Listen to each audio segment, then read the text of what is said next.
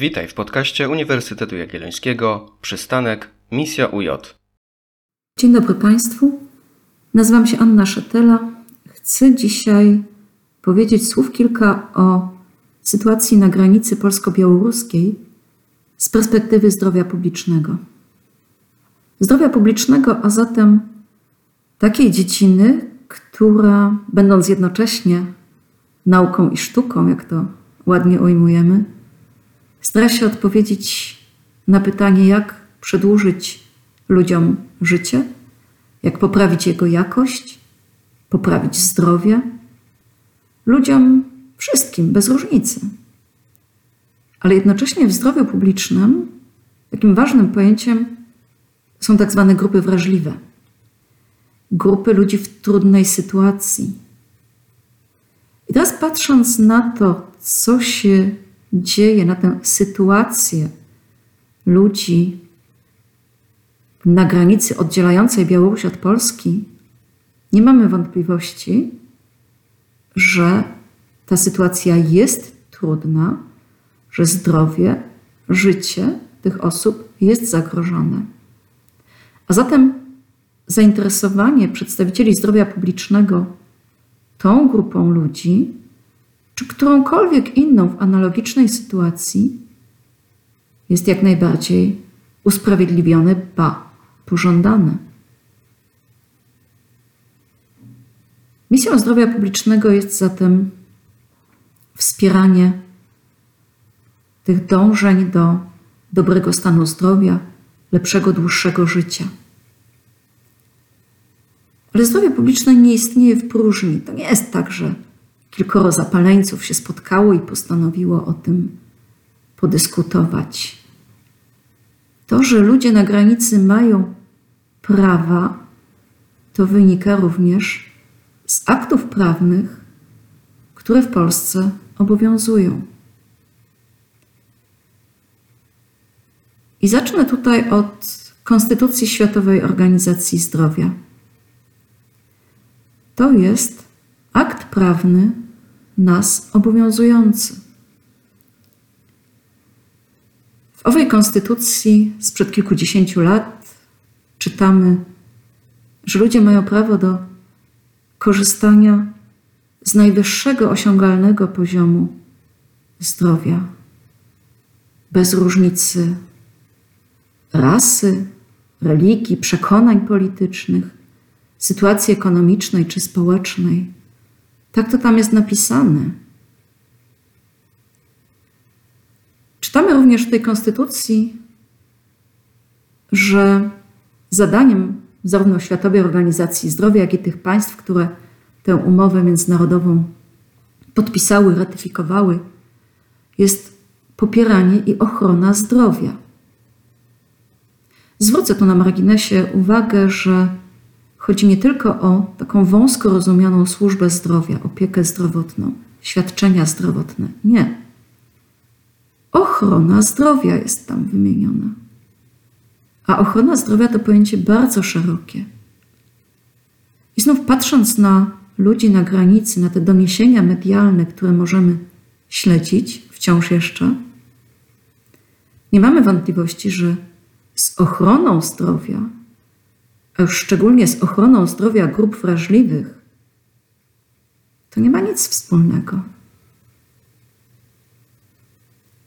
Czytamy dalej w Konstytucji Światowej Organizacji Zdrowia o tym, że powinien być zapewniony zdrowy rozwój dziecka, harmonijny. I znów, dzięki mediom wiemy, że na granicy są również dzieci. Zdrowy rozwój dziecka w takich warunkach? Nie. Zdrowie publiczne też nam powie, że nie.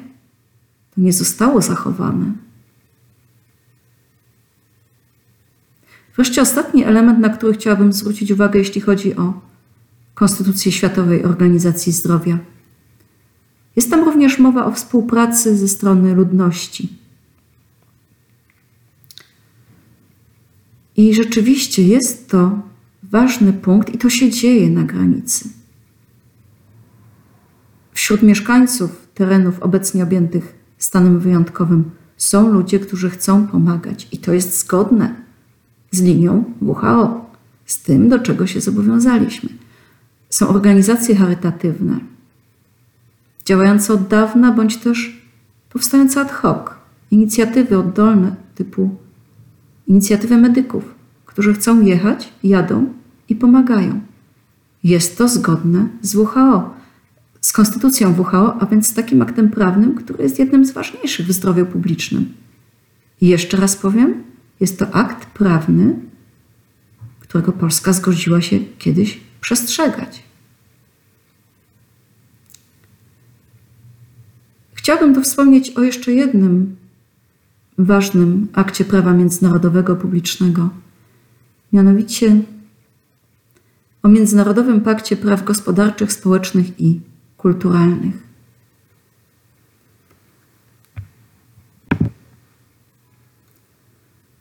Mamy w tym pakcie artykuł 12. Państwa strony niniejszego paktu uznają prawo każdego do korzystania z najwyższego osiągalnego poziomu ochrony zdrowia fizycznego i psychicznego. I jeszcze raz, prawo każdego. Tu nawet nie zapisywano bez różnicy rasy czy przekonań. Nie.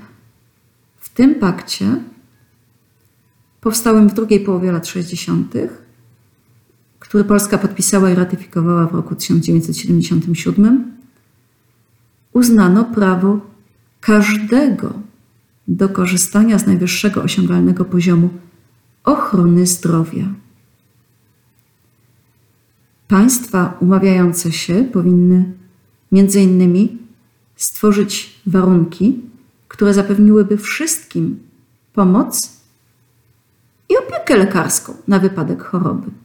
I znów możemy ten zapis odnieść do tego, co się dzieje gdzieś tam pomiędzy Białorusią a Polską. Tam nie ma tej możliwości korzystania z najwyższego osiągalnego poziomu ochrony zdrowia. Nie ma mowy o zapewnianiu wszystkim pomocy i opieki lekarskiej. Celowo przed chwilą przytoczyłam te daty. Powiedziałam, że Polska podpisała, ratyfikowała, opublikowała w Dzienniku Ustaw ten pakt, Międzynarodowy Pakt Praw Gospodarczych, Społecznych i Kulturalnych w roku 1977. To była epoka, jak niektórzy ją nazywają, epoka słusznie miniona. Aha, też tak mówię. Ale my to wtedy podpisaliśmy. I ja nie chcę wracać do tamtych czasów. Ale my to wtedy podpisaliśmy. I pewnie, że w tej epoce słusznie minionej różne rzeczy istniały tylko na papierze, że to były deklaracje górnolotne, ale my to podpisaliśmy. Przenieśmy się na grunt Polski i wspomnijmy o konstytucji już naszej z 1997 roku. Mamy tam kilka ważnych artykułów. Ja tutaj z racji ograniczonych ram czasowych nie wspominam o, innych aktach prawa międzynarodowego, w tym europejskiego. Przenoszę się już od razu do naszej konstytucji. Mamy zatem artykuł 38 prawną ochronę życia. Mamy artykuł 40, w którym odnajdziemy zakaz okrutnego, nieludzkiego, poniżającego traktowania. Ja nie byłam na granicy, ale jeżeli widzę film, w którym z ludźmi, w tym dziećmi, robi się to, co robi, jak mam tego nie nazwać traktowaniem poniżającym. Wreszcie mamy chyba najbardziej popularny w środowisku zdrowia publicznego artykuł 68. Początek artykułu 68 brzmi następująco. Każdy ma prawo do ochrony zdrowia. Każdy. Każdy. Bez różnicy. Tu nie jest powiedziane wyłącznie obywatel polski bądź cudzoziemiec, który legalnie przekroczył granicę. Nie. Kolejny raz użyję tego słowa. Każdy. Każdy ma prawo do ochrony zdrowia. I znów ochrony zdrowia, nie tylko świadczeń lekarskich, po prostu do ochrony zdrowia, a zatem również profilaktyki. I dopiero dalej w tym artykule 68 następuje pewne uszczegółowienie, że coś przysługuje obywatelom, że coś może ustawa doprecyzować, ale ten pierwszy ustęp artykułu 68 naprawdę obowiązuje. Każdy ma prawo do ochrony zdrowia. Czytamy w artykule 68 również, że władze publiczne są obowiązane do zapewnienia szczególnej opieki zdrowotnej dzieciom, kobietom ciężarnym, osobom niepełnosprawnym i osobom w podeszłym wieku. Dzieciom. I znów, jeśli wierzyć nagraniom z granicy, tam są dzieci. Tej szczególnej opieki nie ma. Kiedy mówimy o zdrowiu, to chcę jeszcze wspomnieć o ważnym aspekcie, na który zdrowie publiczne zwraca uwagę od lat. Zresztą już w Konstytucji Światowej Organizacji Zdrowia też tak zostało to zapisane. Musimy pamiętać, że zdrowie to nie jest wyłącznie zdrowie fizyczne. Chodzi też o zdrowie psychiczne oraz o zdrowie społeczne. Zdrowie psychiczne to jest temat szczególnie ważny, jeśli chodzi o uchodźców. Również o inne grupy migrantów. Nie chcę się tutaj wdawać w rozróżnienie migrant, uchodźca. Różne są poglądy na ten temat, ale tak jak mówiłam przed chwilą, pewne obowiązki spoczywają na państwie polskim wobec każdego, bez względu na to, jaki będzie status prawny tej osoby. Tak to zapisano, czy w aktach prawa międzynarodowego, czy w naszej konstytucji. A więc chodzi o zdrowie każdego człowieka. Kogo mamy na granicy? Ludzi. Chodzi o ich życie, ich zdrowie, w tym zdrowie psychiczne, ale również o warunki sprzyjające zdrowiu, bo to jest w dużej mierze zdrowie publiczne. Takie organizowanie świata, żeby właśnie tworzyć ludziom warunki sprzyjające zdrowiu fizycznemu, psychicznemu, społecznemu. W zdrowiu publicznym zdajemy sobie oczywiście sprawę, że istnieją pewne nierówności, nierówności w dostępie do świadczeń. Te nierówności to zresztą jedno z ważnych pojęć w zdrowiu publicznym. Z nim jest też związane pojęcie tych grup wrażliwych, grup, które szczególnie są na nierówności, a za tym idzie na pogarszanie się stanu zdrowia, narażone. Warto też zwrócić uwagę, że istnieje takie pojęcie jak intersekcjonalność, pewne nakładanie się negatywnych okoliczności. Czyli jeżeli ktoś jest uchodźcą, um, jest jednocześnie na przykład i osobą starszą, i osobą niepełnosprawną, i jeszcze do tego znajduje się w miejscu, którego, w którym nie zna języka, którym się posługują ludzie dookoła, to już są trzy czynniki, które wpływają na pogarszanie się stanu zdrowia bądź niemożliwość uzyskania właściwej pomocy. Oczywiście można sobie zadać pytanie, czy migranci, którzy by nie byli uchodźcami, czy to są grupy wrażliwe? Owszem, w literaturze przedmiotu jest znane pojęcie tak zwanego efektu zdrowego migranta, ponieważ ludzie, którzy wyjeżdżają do innego kraju, na przykład w celach zarobkowych, prawdopodobnie nie są bardzo starzy, nie są schorowani. I bywa tak, że w odróżnieniu od przynajmniej części ludności lokalnej, ci nowi przybysze są w całkiem niezłym stanie zdrowia. Ale potem to się może zmienić. Ale tak jak powiedziałam, efekt zdrowego migranta dotyczy raczej migrantów zarobkowych, ale już teraz patrząc na to, jak wyglądają ludzie z nadgranicy, nie będziemy się tam tego efektu zdrowego migranta doszukiwać.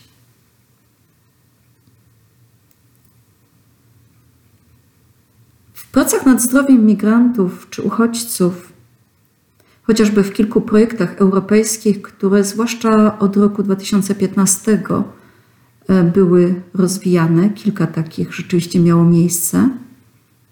Między innymi zajmowano się poprawą dostępności świadczeń dla imigrantów, y, próbą definiowania i ograniczania różnych barier. Mm, owszem, dotyczyło to również uchodźców. I kiedy mówiono o uchodźcach, identyfikowano wtedy i do dzisiaj się to robi kilka etapów, na których występują różne zagrożenia dla zdrowia uchodźcy. Identyfikowano wtedy zagrożenia pojawiające się w kraju pochodzenia, następnie w krajach tranzytowych i wreszcie w kraju docelowym. Kiedy patrzę na sytuację na granicy, mam wrażenie, że zapomniano o pewnym etapie, którego istnienia wtedy może nie podejrzewano, w każdym razie na terenie Europy, że będzie jakiś dziwny nowy śródetap gdzieś na granicy. Może powinniśmy zrewidować te nasze zalecenia, które powstawały w 2015-2016 roku i zwrócić uwagę na kategorię ludzi zawieszonych gdzieś pomiędzy dwoma państwami.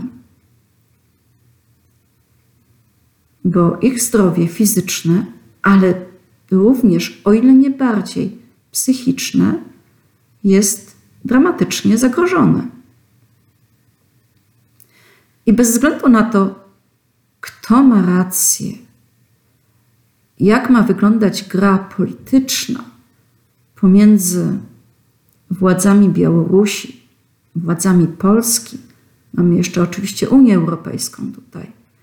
Z punktu widzenia zdrowia publicznego, ludziom na granicy należy się opieka, stworzenie takich warunków, które im pozwolą na niepogarszanie dalsze zdrowia, w efekcie na nieumieranie na tej granicy. Na koniec chciałabym zwrócić uwagę na język. Mówimy też w zdrowiu publicznym, że język ma znaczenie. I nie można o nikim mówić, że ten ktoś jest nielegalny. To nie jest tylko też dzisiejszy wymysł i nie tylko polski. Od iluś już lat istnieją organizacje międzynarodowe zwracające uwagę na to, żebyśmy o nikim nie mówili nielegalny.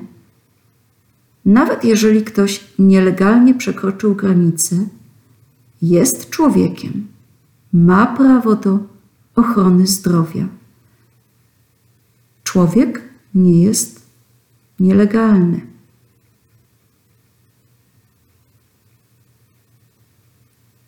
To pojęcie, ta koncepcja legalności, prawa istnienia każdego człowieka się powoli przebija do świadomości ludzi. Jeszcze powoli. Dziękuję.